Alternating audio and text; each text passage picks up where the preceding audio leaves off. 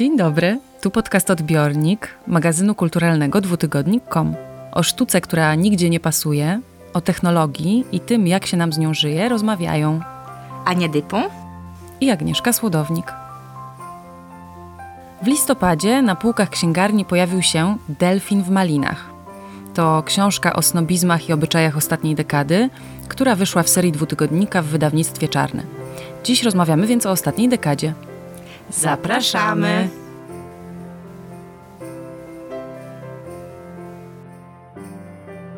Podcast Odbiornik. Kulturalne hybrydy, słodownik i depon. Jeżeli próbujecie rano napisać na Facebooku, co jedliście na śniadanie, musicie to zrobić w taki sposób, żeby dostać jak najwięcej lajków. To już jest literatura. Jesteśmy takim średniowiecznym pokoleniem straceńców, po których nic nie zostanie. Swoją drogą musieliśmy zapomnieć, jak wyglądał prawdziwy przemysł, żeby przywyknąć do określeń w rodzaju fabryka woni lub fabryka słów i idei. ten napływ gównoburzy, który jakby w fejsie, na fejsie potrafi w ciągu pół minuty jakby stworzyć całą lawinę gównoburzy i obsmarować wszystkich, Boże, ale mnie teraz zagięłaś.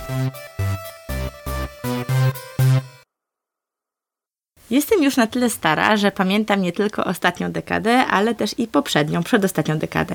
I szczerze mówiąc, dla mnie to przełom lat 90. i 2000 to jest ta dekada dekad, a niekoniecznie ta ostatnia. Być może dlatego, że to też był czas, w którym ja wchodziłam w dorosłość.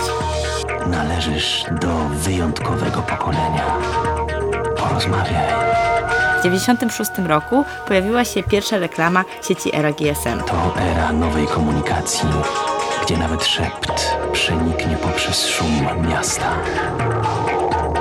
A potem był ten paniczny lęk przed końcem cyfrowego świata na przełomie tysiącleci. E, Elektroniczne zegary komputerów miały przecież stanąć w miejscu przy przeskoku z końcówki 99 na 00. No bo przecież to był przeskok 99 lat w tył, a nie rok do przodu.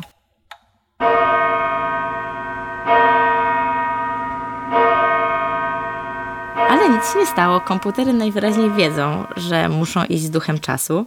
Zresztą już wtedy wiedzieliśmy, że są mądrzejsze niż mogliśmy kiedyś przypuszczać. Parę lat przed przełomem wieków komputer Deep Blue pokonał przecież w szachy Kasparowa. Poprzedni świat e, poniekąd i tak się niebawem miał skończyć, choć inaczej niż przypuszczaliśmy.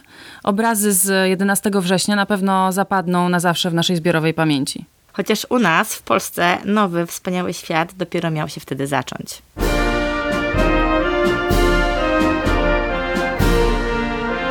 A potem przyszła ta ostatnia dekada 2007-2017. Ale czy jest ona tak naprawdę inna od poprzedniej? Nową dekadę otwiera reklama iPhone'a. Ludzie nadal beztrosko pojedynkują się na intelekt z komputerami.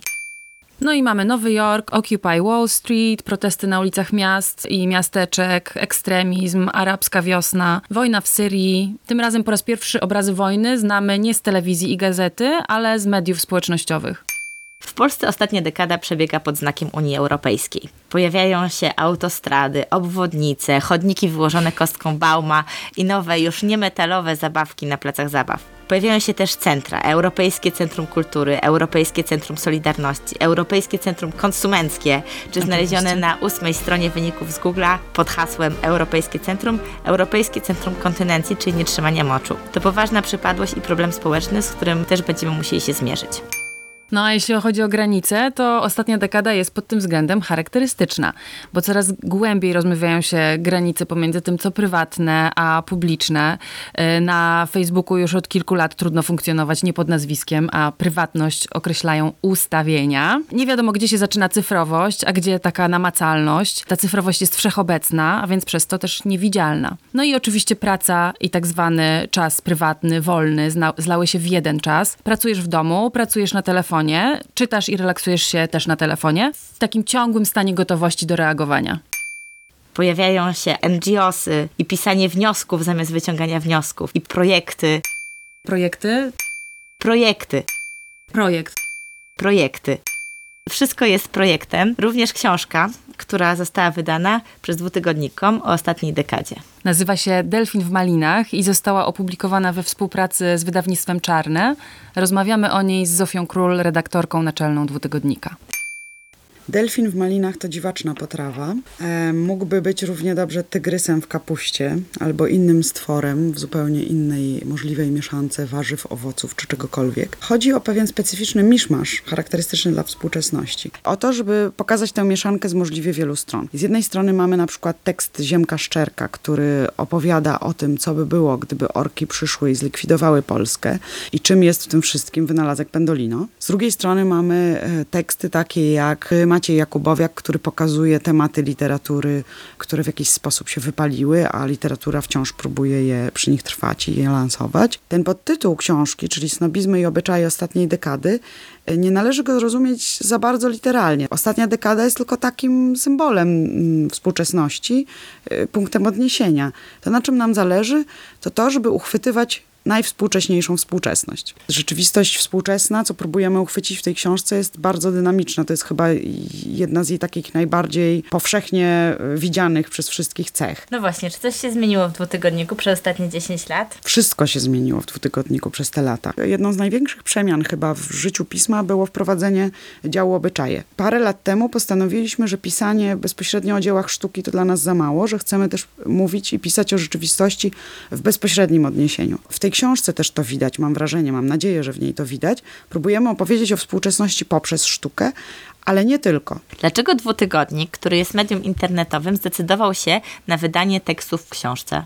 Co daje publikacja na papierze? To jest też tak, że dzięki internetowi teksty krążą w pojedynczych linkach. Ta spójność pisma się w jakiś sposób rozpada. To czasem jest bolesne dla redaktorów, kiedy pracują intensywnie nad zbudowaniem numeru tematycznego, a teksty i tak krążą osobno. Ale z drugiej strony to jest wielka siła, bo to jest możliwość dotarcia do bardzo wielu nisz. Nie jesteśmy pismem niszowym, ale jesteśmy pismem nisz. Czasem lubię tak o tym myśleć, e, bo staramy się możliwie wiele światów w kulturze i sztuce znaleźć, zidentyfikować, opisać i trafić do czytelnika. Chcemy być medium prasowym. Chcemy być miejscem do czytania, nie do przeglądania. Dlatego to przejście na papier być może nie jest tak drastyczne, jakby się na początku zdawało. Ale to jest oczywiście wielka przyjemność. Powąchać książkę, w której e, są nasze teksty, postawić ją na półce. Kto słucha, nie błądzi książkę Delfin w malinach, czyli papierowe wydanie niektórych tekstów, które się pojawiały na dwutygodniku, otwiera esej, który można w tej książce powąchać, o przejściu z papieru do świata cyfrowego pod tytułem Segregowane suche o znikaniu gazet. Jest on autorstwa nominowanego do tegorocznych nagród polityki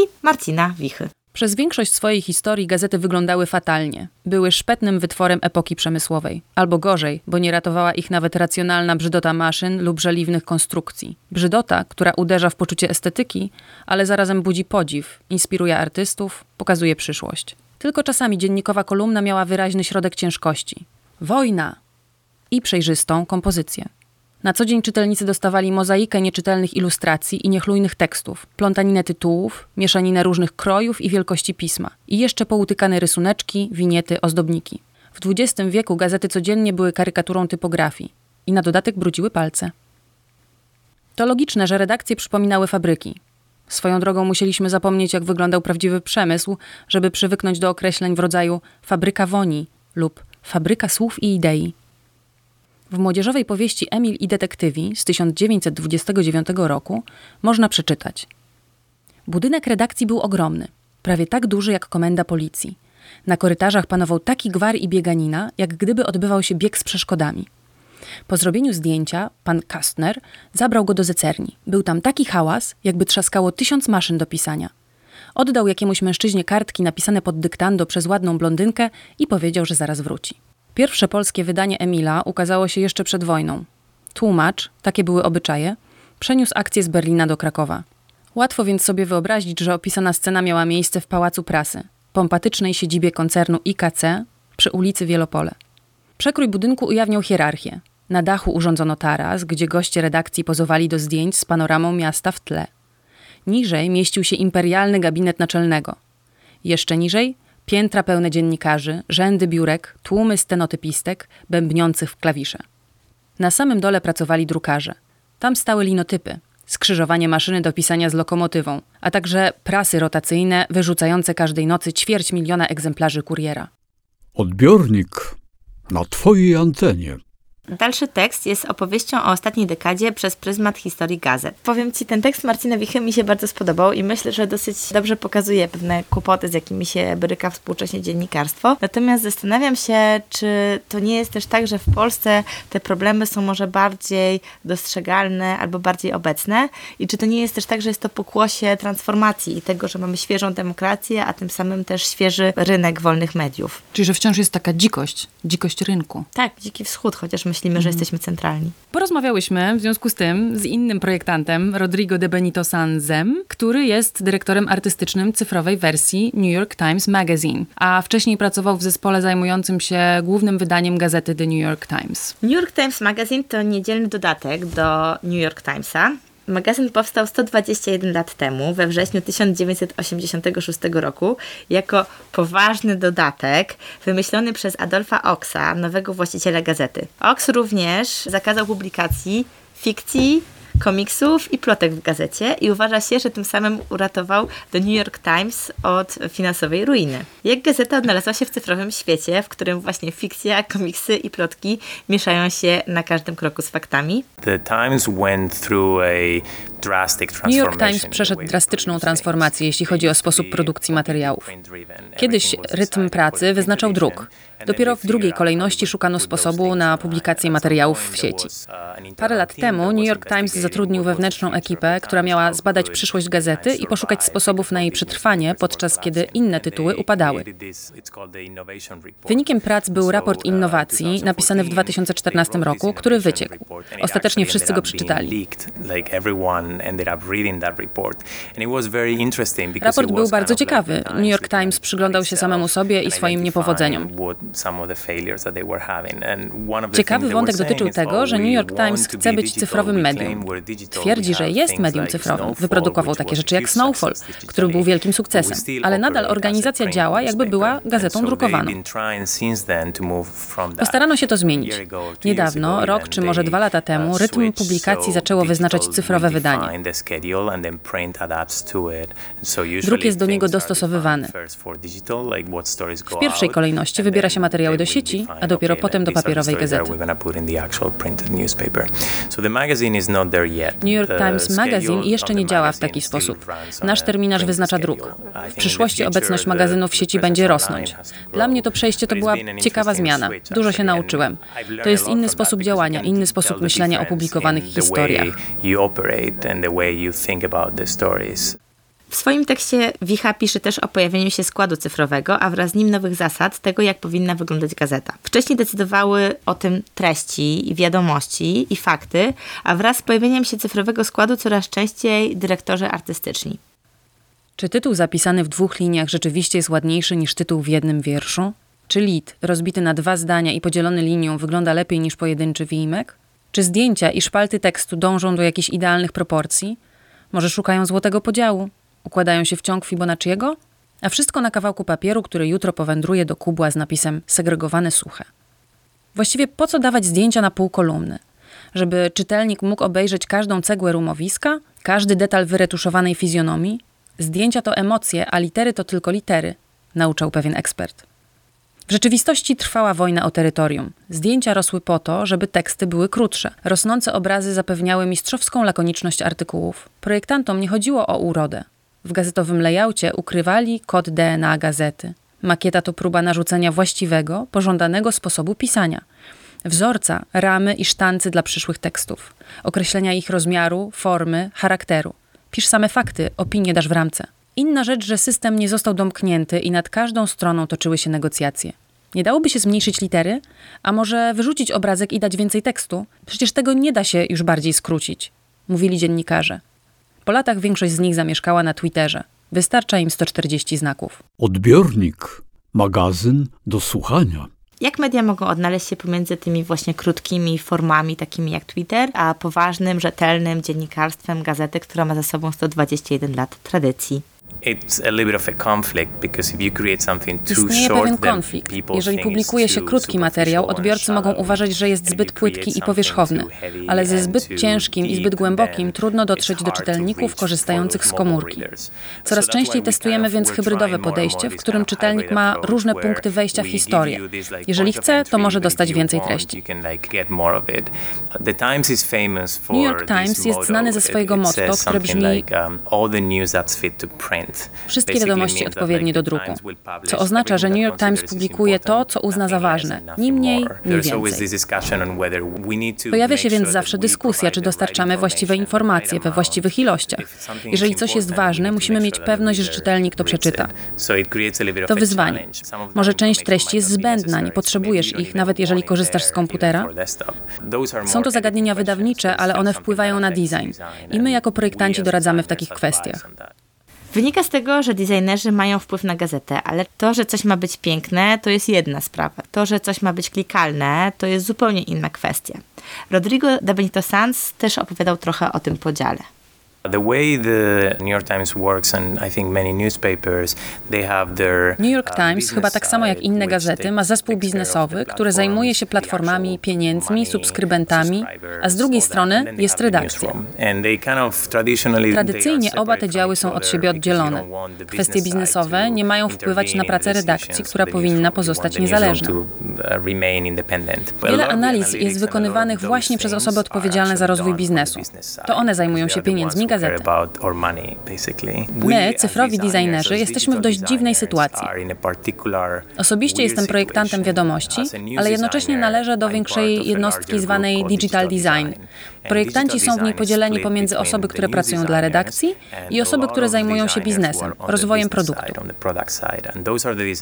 To oni właśnie na przykład prowadzą grupy fokusowe i sprawdzają, czy jeżeli nagłówek będzie większy, to więcej osób go przeczyta.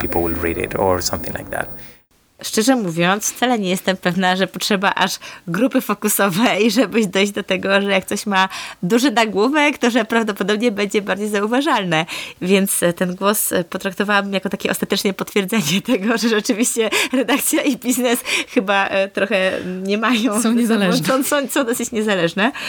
Wydaje mi się, że taka właśnie niezależność redakcyjna jest super ważna, żeby wyznaczać kierunki. New York Times to jest ta gazeta, która e, zrobiła Snowfalla, wyznaczając w ogóle nowy kierunek w reportażu interaktywnym. Wrzucają codzienne mm, wideo 360, jakieś e, prace VR robią. Więc wydaje mi się, że taka praca w interdyscyplinarnym zespole, w którym designer jest e, równoprawnym głosem obok redaktora, jest w ogóle warunkiem koniecznym, żeby jakieś takie nowe formy dziennikarskie powstawały. I zamykanie się na tą stronę artystyczną, czy wizualną, czy kwestię doświadczenia, w sensie, że to jest jakby niezbędne, żeby w ogóle tworzyć jakieś takie innowacyjne formy. I to wcale nie musi być złe. I wydaje mi się, że ten głos nie do końca wybrzmiał w tym tekście Marcina Wichy. Tymczasem w numerze.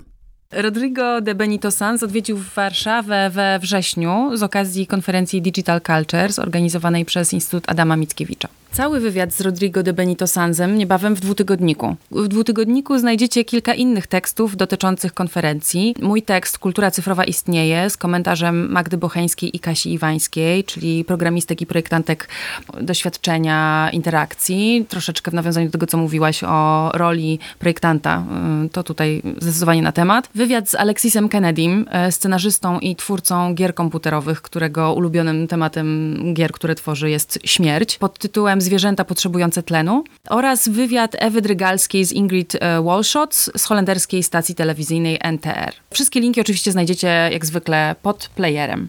Z Polski i ze świata. 3 grudnia 2017 roku spotkaliśmy się w barze studio w Warszawie na premierze Delfina w Malinach. Sonda uliczna. Pan jest Maciejem Sińczykiem, a ja jestem Agnieszką Słodownik z tygodnika i robię taką sondę. Chciałam się zapytać pana... Czy mi się co- podobało? Nie.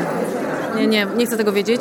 E, czy co dla pana było najważniejsze w ostatniej dekadzie? Tak, nie wiem, jakaś książka, a może jakieś zdarzenie? Może to, że miałem przez 10 lat y, święty spokój i mogłem y, robić te chałtury. Szczęściu, zdrowiu i nie przejmować się y, problemami finansowymi. no to luksusowa sytuacja, czyli taki sukces. Tak, ale ten sukces już minął, bo teraz odkąd urodziła mi się dziecina, to przypuszczam, że niestety będę musiał się sprężyć bardziej pod względem finansowym i że ta dziesięciolatka już upłynęła i rozwiała się jak srebrny sen. Przepraszam, ale e, Maciej Sieńczyk powiedział mi, że jesteś Olgą Wróbel. Tak. Robię sondę uliczną, znaczy nie Dobra. uliczną, tylko taką barową. Co dla Ciebie było najważniejsze w tej ostatniej dekadzie? Facebook i internet, ponieważ jestem osobą dość introwertyczną, natomiast Facebook e, ułatwił mi i jako osobie zajmującej się kulturą i jako osobie prywatnej zawieranie znajomości i pracę w trochę innym trybie. E, Jestem recenzentką, jestem rysow- rysowniczką komiksów i myślę, że gdyby nie możliwość zakładania bloga, wirtualnego dyskutowania z ludźmi, to dalej bym siedziała po prostu i była pogrążona w swoich marzeniach, natomiast na pewno mniej bym działała. Zdaję sobie sprawę z baniek informacyjnych, z całego profilowania, któremu jesteśmy poddawani, natomiast myślę, że warto jest mieć tego świadomość i mimo wszystko próbować korzystać z internetu na jakichś własnych zasadach. Wiadomo, że internet, Maria Magdalena Kozłowska. w ogóle cały rozkwit y, sztuki internetowej, który też mi się wydaje być niezwykle znaczący, ale też w jakiś taki dziwny sposób, trochę niepokojący się, e, przykładać do jakiejś takiej polityki tymczasowości, teoretycznie, bo niby wszystko zostaje w internecie, no ale z drugiej strony jest zawsze ta panika, że coś trzaśnie i nagle wszystko zniknie, tak, że nic po nas nie zostanie. No, znam takie osoby, które mówią, że jesteśmy takim średniowiecznym pokoleniem straceńców, po których nic nie zostanie, dlatego że, że po prostu będzie jakaś bomba magnetyczna, która absolutnie wyczyści wszystkie nasze dane i wszystko, co było dla nas ważne, więc jakaś taka efemeryczność kultury. Najmocniejszą rzeczą są chyba seriale i to i rola serialu, jaka się wytworzyła właśnie w ciągu ostatnich 10 lat i rola właśnie takich wypożyczalni streamingowych, powiedzmy jak Netflix właśnie, o którym mój performance był. I rzeczywiście no, to jest coś takiego, tak jakby wreszcie udało się w jakimś sensie przenieść powieść na e, medium e, audiowizualne i masowe, bo jesteśmy w stanie rozłożyć opowieść na, na czas przede wszystkim, nie? że ten czas procesuje, jakby jest inny rodzaj kontaktu z bohaterami. Mówię pierwsze, co mi przychodzi do głowy, więc to chyba nie jest najważniejsze. Mateusz Halawa. Ale myślę, że jakieś przewartościowanie naszego, naszej relacji z Europą. Jak pomyślisz o tym, gdzie jesteśmy 10 lat temu, czyli w 2007 roku, to jesteśmy cały czas emocjonalnie na takiej fali po 2004 e, Erasmusowo, europejsko, Ryanerowo, takiego, takiej fali jakiegoś włączenia w Europę. No i w ciągu tych 10 lat to się zmienia, nie? że jesteśmy gdzieś zupełnie indziej. Teraz jakby jedni powiedzieliby politycznie, że to jest e, że została tamta europejskość, tamta fantazja europejskości została zdemaskowana jako fikcja i gdzieś ujawniło się jakieś prawdziwe. Inni by powiedzieli, że to zostało nam zabrane, ale wydaje mi się, że gdzieś e, na, na nowo w 2017 roku odkrywamy, co to znaczy mieszkać w Europie Wschodniej. E, I ta fantazja o tym, że jesteśmy inną dzielnicą Berlina jest coraz mniej realistyczna. Ten fragment o rozczarowaniu siecią jest bardzo ciekawym wątkiem, że jesteśmy w jakimś takim momencie technologicznej dystopii, a nie utopii. Kiedyś ta anonimowość w internecie była związana z nadzieją, z tym, że jeżeli ktoś w życiu offline'owym nie chodzi, to w internecie będzie mógł chodzić, albo będzie mógł przymierzyć inną tożsamość, będzie mógł bawić się innym genderem. Jakby okazało się, że ta anonimowość jest bliższa bardzo często anonimowości, którą zapewnia uniform na wojnie, albo wszystkie te procesy deindywiduacji, które znamy z przemocowych sytuacji bardzo nowoczesnych. Internet się po prostu coraz bardziej stopił z rzeczywistością. To znaczy, że jakby dopóki on był bardzo od- oddzielnym wymiarem rzeczywistości, to można było snuć taką fantazję, że tam będzie lepiej, inaczej i tak dalej. Wszystkie problemy natury ludzkiej, od nienawiści, przez skłonność do e, wykluczenia i tak dalej, tak jakby stało się też cechą internetu, więc w tym sensie można powiedzieć, że ludzie zepsuli internet przez to, jak bardzo jakby logiki zbiorowych zachowań ludzkich się stopiły z logikami algorytmów. W ostatniej dekadzie jedną z ważnych rzeczy jest cyfrowość. Jest zresztą taki obraz The Expected One Ferdinanda George'a Waldmillera. Obraz ma 150 lat i przedstawia kobietę, która idzie pochylona nad modlitewnikiem. Natomiast we współczesnym świecie cała ta jej postawa osoby trzymającej mały przedmiot w obu dłoniach z twarzą pochyloną nad tymże przedmiotem wygląda jakby totalnie pisała SMS-y idąc po polu. I myślę, że jest to idealna metafora e, ostatniej dekady. Natomiast w tej mieszance, jaką jest delfin, nie ma oddzielnego rozdziału poświęconego cyfrowości. Zofia Król, redaktorka naczelna dwutygodnika. Internet i rozwój nowych mediów nie jest dla nas osobnym tematem w tej dekadzie, tylko jest jej nieustającym tłem. Ta wirtualna rzeczywistość i ten kontekst jakby wchodzi do sztuki, i do rozmowy, i do myślenia i trzeba to ujmować jako rodzaj kontekstu wszystkich zjawisk, a nie jako osobną, zamkniętą krainę. I tak na przykład w dziale Powaga i ironia wszystkie teksty w jakiś sposób dotyczą e, nowych mediów, ale nie są tak nazwane. I tutaj na przykład Robert Siewiorek napisał e, dla nas o e, śmiechu i o bece internetowej. Sebastian Smoliński o sucharach. To jest tekst, który publikowaliśmy wiele lat temu, ale Sebastian dla nas go całkowicie odmienił i uwspółcześnił. Opowiedział o tej dekadzie poprzez suchary właśnie. Ale właściwie dlaczego powaga i ironia miałyby się łączyć z kulturą cyfrową? Pisze o tym w książce Robert Siewiorek w tekście Beka z Beki. Postawa postironiczna tym się od ironicznej różni, że nie polega już na mniej czy bardziej inteligentnym zapewnianiu, że kiepskie nie jest kiepskie, ale na uznaniu za oczywiste, że to niby kiepskie jest bezdyskusyjnie świetne. W postironii to, co śmieszne i żenujące, łączy się z tym, co poważne, a szwów dostrzec nie sposób. Za sprawą sieci, świat, nasze życie, traci bezpośredniość. Bierzemy rzeczywistość, a przez to samych siebie w nawias. Nagie życie, życie realne, staje się nieznośne w tej swojej oczywistości i namacalności. Postawa ironiczna prowadzi do zakwestionowania rzeczywistości, traktowania jej tylko jako jednego z wariantów istnienia. Zachowując bezpieczny dystans, zawsze mogę się przecież wycofać, schować w rzeczywistości wirtualnej, czyli umownej. Ostatnio moja znajoma z Holandii opowiadała mi historię nauczycielki. Uczniowie zrobili złośliwy film, w którym wyśmiewali, wyzywali tę nauczycielkę i wrzucili go do sieci. To oczywiście zabolało tą nauczycielkę, która wydawało jej się, że ma całkiem dobry kontakt z uczniami i rozmawiała z jednym z uczniów, który zalajkował ten filmik na Facebooku i się go zapytała w ogóle, dlaczego przecież jakby to mnie krzywdzi, dlaczego to lubisz. Mhm. Na co ten uczeń odpowiedział jej, no nie, wcale tego nie lubię, po prostu zalajkowałem. Ale Aha. to wcale nie znaczy, że to lubię. Wydaje mi się, że to dosyć dobrze pokazuje, że to dotyczy w ogóle jakby dwóch różnych sfer. Tak? Jedno y, dotyczy jakiegoś takiego konstruowania się społecznie, a drugie tego, kim rzeczywiście jesteśmy i co myślimy, nie? Mhm. Jak dalej pisze się Wiorek. New York Times przeprowadził wśród nastolatków ankietę na temat ich stosunku do ironii. Choć przyznawali się do zachowań ironicznych, w większości odrzucali sugestie, jakoby ironia była dla nich zasłoną, za którą ukrywają swoje prawdziwe ja. Zapewniali, że to ich osobowości są ironiczne. To przeświadczenie prawdopodobnie wyrasta z potrzeby bycia bardziej, narzucanej ludziom przez sieć. Steve Bailey z kanadyjskiego Uniwersytetu York zauważa w tekście Identity, Intersection, Irony, Doubling the Self in the Digital Age tożsamość, przecięcie, ironia, podwajanie siebie w erze cyfrowej, że ironia jest dla człowieka narzędziem podwajania siebie w przestrzeni wirtualnej. Wytwarza w nas zdolność do pielęgnowania dwóch powiązanych ze sobą, ale osobnych form tożsamości, które umożliwiają uczestnictwo w różnych kulturach sieciowych. Słuchacie podcastu Odbiornik, magazynu kulturalnego dwutygodnik.com. Agnieszka, jak przetłumaczyć olej winny na angielski?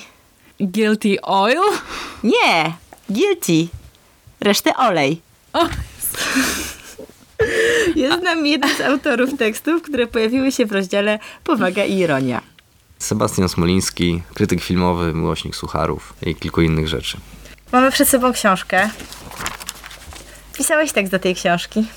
Tak, miałem wielką przyjemność e, właściwie dopisać, rozszerzyć tekst, który napisałem już 4 lata temu. Z miłości do sucharów napisałem taki tekst, który właściwie mam wrażenie, że główną tezą jest to, że suchary są tak naprawdę czymś, mogą być czymś bardzo pożytecznym, wcale nie głupim i czymś, nad czym warto się pochylić. E, ale szczerze mówiąc, po prostu lubię czasem takie tematy, które wielu osobom się wydają totalnie przypadkowe, niewarte uwagi, no w ogóle bez znaczenia. Kiepskie żarty, żarty oparte na wieloznaczności słów, które raczej wywołują zażenowanie. To, to jest coś, o czym pisałem. Kiedy pisałem ten tekst tak pół dekady temu tej, czyli tam kilka lat temu, to miałem wrażenie, że faktycznie jest mnóstwo stron z sucharami, że już Karol Strasburger nie jest jedyną osobą, która suchary opowiada i że no właśnie chociażby internet jest taką przestrzenią, gdzie możemy po prostu czytać, pisać własne suchary. Miałem wrażenie, że to jest coś nagle bardzo popularnego. Wcale nie nowego, bo tego rodzaju żarty po angielsku pun, P-U-N, no było od zawsze właściwie i w kulturze powiedzmy anglosaskiej one też zawsze były popularne. No ale ostatnio parę lat, no to to jest, mam wrażenie, wysyp sucharów też. W reklamach, y, w polityce trochę.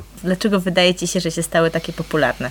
Y, Szczerze mówiąc, y, nie wiem. Może też dlatego, że mm, to jest taka teza, ale ona może być trochę za daleko idąca, że paradoksalnie mówi się, że żyjemy, bez wątpienia tak jest, w kulturze wizualnej czy audiowizualnej, ale no, zwróćmy uwagę, że nasza działalność w internecie, właśnie na portalach społecznościowych głównie opiera się jednak na pisaniu. Może z tego powodu też suchary jakoś tak stały się taką fajną zabawą, żonglerką. Bo de facto suchary biorą się z gry metaforami językowymi, którymi właściwie opisujemy rzeczywistość. I to jest też książka na ten temat, gdzie językoznawcy właśnie pilnie wskazują wszystkie rodzaje takich metafor, jakimi się posługujemy i właśnie z zabawy tymi metaforami, z brania ich dosłownie biorą się suchary. Szczerze mówiąc... Szczerze mówiąc, właśnie. Ja należę do takiej grupy raczej osób, które, którym trudno się odnaleźć w takiej permanentnej ironii. Znaczy, w ogóle nie postrzegam siebie jako iro- ironistę. I może właśnie to, że pisałem o sucharach tak trochę poczciwie, naprawdę z zafascynowaniem i szacunkiem wobec nich i wiarą, że e, to jest fajny sposób po prostu zabawy polszczyzną, to myślę, że mi raczej zalicza do takich może trochę postironistów, jakichś poważniejszych. Książkę z ostatniej dekadzie. Jakbyś Mhm. miał wybrać taki suchar dekady. Boże, ale mnie teraz zagięłaś. Suchar dekady y, to, to brzmi jakby to miał być najlepszy, ale to powiedzmy, że nie, nie taki najlepszy, tylko jakiś najbardziej charakterystyczny. Mhm. W tej y, dopisanej części tekstu, tej nowej, pisałem o tych kandydatach y, startujących w wyborach samorządowych, którzy użyli sucharu. Na przykład kandydat Leszek Drozd obudował swoją kandy- kandydaturę sucharami wokół właśnie ptaka Drozda, albo Małgorzata Półbratek zabawiała się z kwiatkiem na plakatach, bratkiem. Pół twarzy zamieniła na połowę kwiatka, półbratek. Więc no, to jest dla mnie jakby suchar dekady w tym sensie, że pokazuje jak bardzo suchary przeniknęły do mainstreamu politycznego, można powiedzieć. Już, że, że stały się takim naturalnym językiem. Czy i jak e, suchary wpisują się w te ironie i dystans do rzeczywistości, o których pisał Robert Siewiorek? On chyba próbuje rozróżnić właśnie takich ironistów, milenialsów, do którego pokolenia chyba się ja akurat piszę. W sensie, w sensie nie, że jestem ironistą, ale jakby do, do milenialsów, więc odnajduje się w jakiś sposób w jego obrazie i on wskazuje, że no, no ironia jest taką ich strategią po prostu główną, żeby jakoś przetrwać i jakoś sobie radzić z rzeczywistością. No i właśnie jest, z tego co rozumiem, taka grupa postironistów. Dla nich y, powaga jest z kolei na powrót at- atrakcyjna po tym, powiedzmy, zalewie ironii, jaki nas ogarnął. Y, Jak się suchary do tego mają? No właśnie mm, one się wydawały obcia- obciachowe i takie wstyd było mm, naprawdę powiedzmy zachwycać się sucharami, czy mówić, że no mnie to naprawdę śmieszy. Raczej to był zawsze taki śmiech z cyklu ha, ha. W tekście właśnie Roberta właśnie suchar mógł być tutaj zaprzęgnięty takiej właśnie gry z cyklu teraz powiem coś, co jest celowo nieśmieszne i nikt się nie będzie śmiał i to będzie fajne. Agnieszka, przygotowałam się do rozmowy i Aha. mam dla ciebie jeszcze kilka sucharów. E, Na stronie pay.cz, czyli page, znalazłam zbiór memów Suchy Karol, który ma chyba z 5 lat, mm, czyli największe suchary znane internautom. I mam dla ciebie kilka przykładów. No, dawaj. Co robi traktor u fryzjera? Traktor u fryzjera. Warkocze. Jak się nazywa czaderski telefon? No. Kulfon. Czemu Batman miał piątkę z WF-u? No. Bo zawsze miał strój. Mowa jest srebrem, milczenie złotem.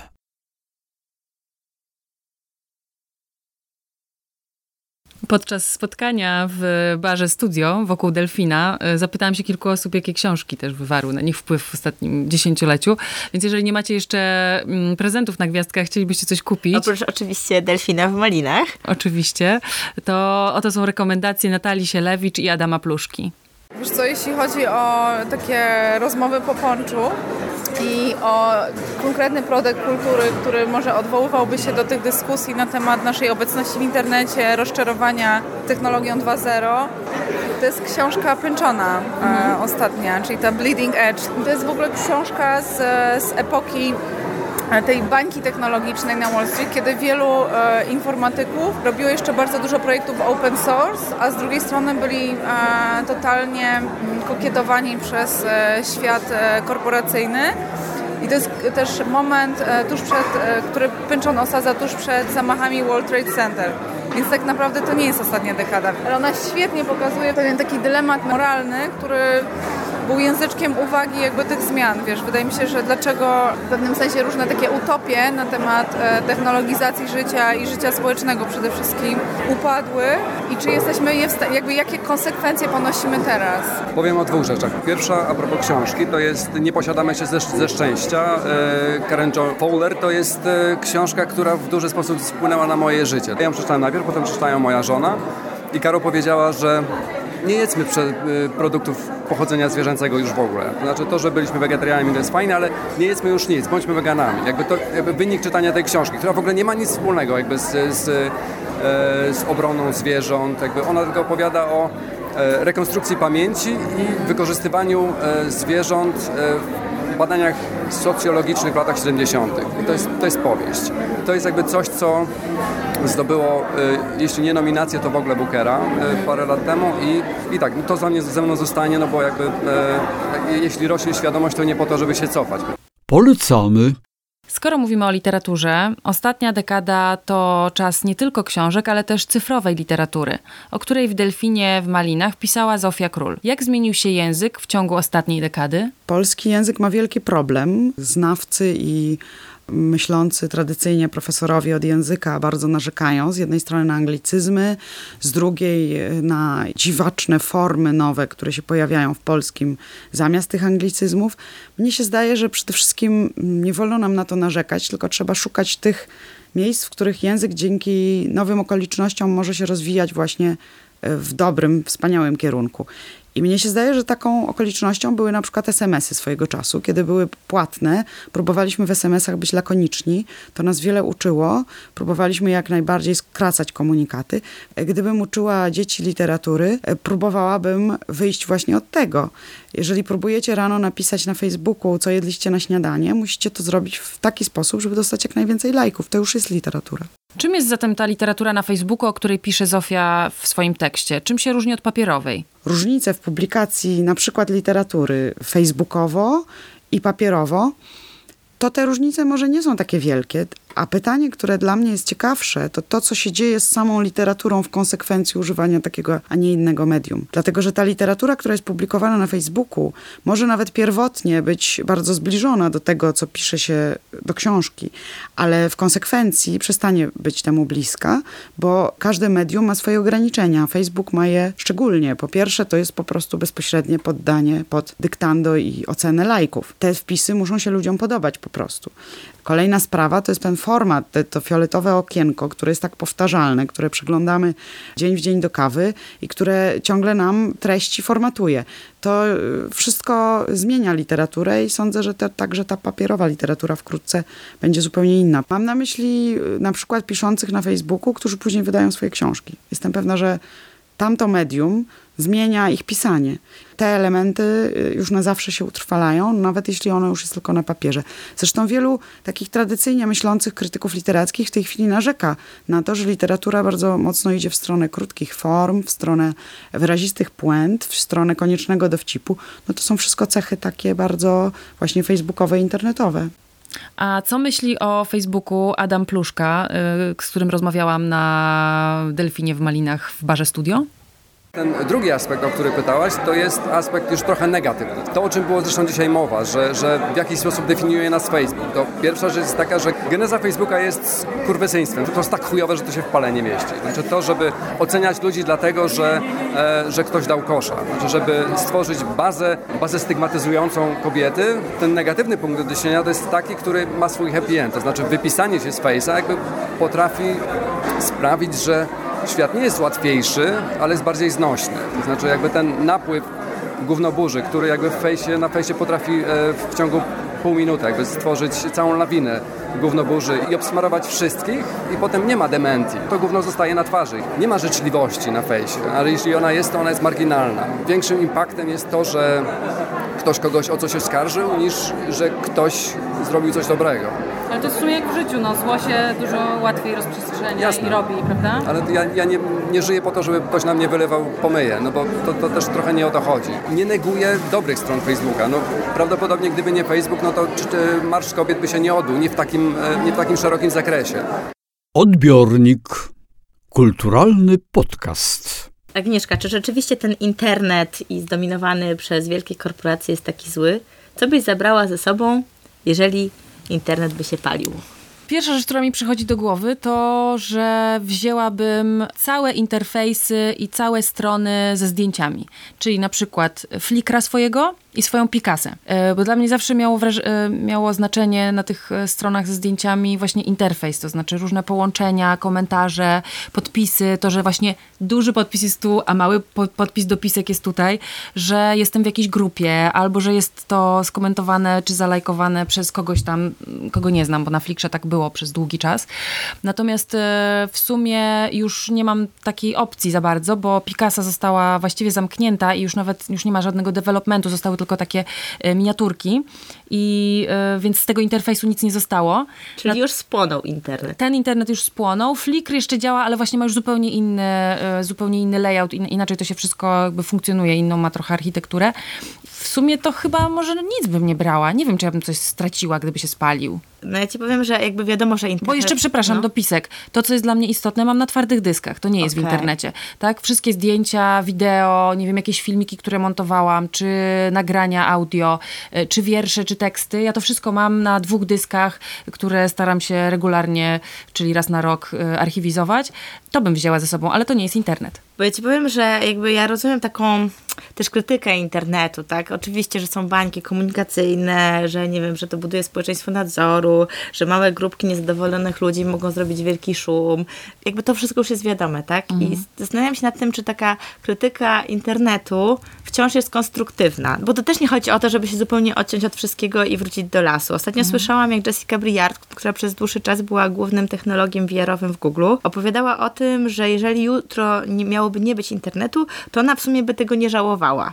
Znaczy, ja myślę, że to też może być przemawiać przez nią wypalenie zawodowe na przykład, ale wydaje mi się, że no nie, no, że jednak coś nam to daje. No chociażby to, że teraz mogą Państwo nas usłyszeć, y, wiesz, w sieci, tak? I że ten podcast może funkcjonować w sieci, więc to też nie jest tak, że No niewątpliwie, tak? No niewątpliwie, no jakby chyba nie korzystalibyśmy z tego, gdyby to było takie totalnie beznadziejne. Tylko pytanie, co jakby dalej w sytuacji, kiedy są takie koszta? Myślę, że musimy się też tego nauczyć jako społeczeństwa, nie? Że to jest jakiś taki e, postanowienie może na Noworoczne. 2000 noworoczne. To, to co, na zdrowie. Wszystkiego najlepszego i do usłyszenia w 2018 roku. Do usłyszenia.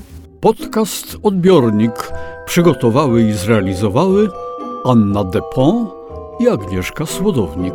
Redakcja dwutygodnika to Zofia Król, Paweł Suszyński, Maciej Jakubowie. Jakub Socha, Paulina Wrocławska, Piotr Kowalczyk. i Agnieszka Słodownik. sekretariat redakcji Melisa Czaplicka. Wydawca Filmoteka Narodowa Instytut Audiowizualny. Grudzień 2017. Postscriptum. Jeszcze? Jeszcze. No, dawaj. Jaką herbatę najlepiej wypić po zachodzie słońca? Sagę zmierzch. Idzie Chopin i Bach. Bardzo ładne. E, co jest czerwone i szkodzi na zęby? Cegła. Co? Jak dostajesz cegłą w zęby? O Jezu.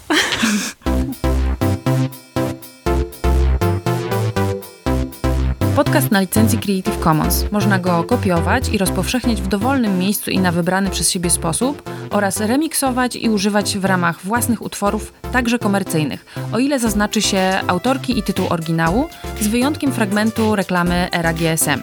Użyłyśmy utworów Kevina MacLeoda Wish Background, Dance of the Sugar Plum Fairies i Digital Lemonade ze strony incompetech.com na licencji Creative Commons.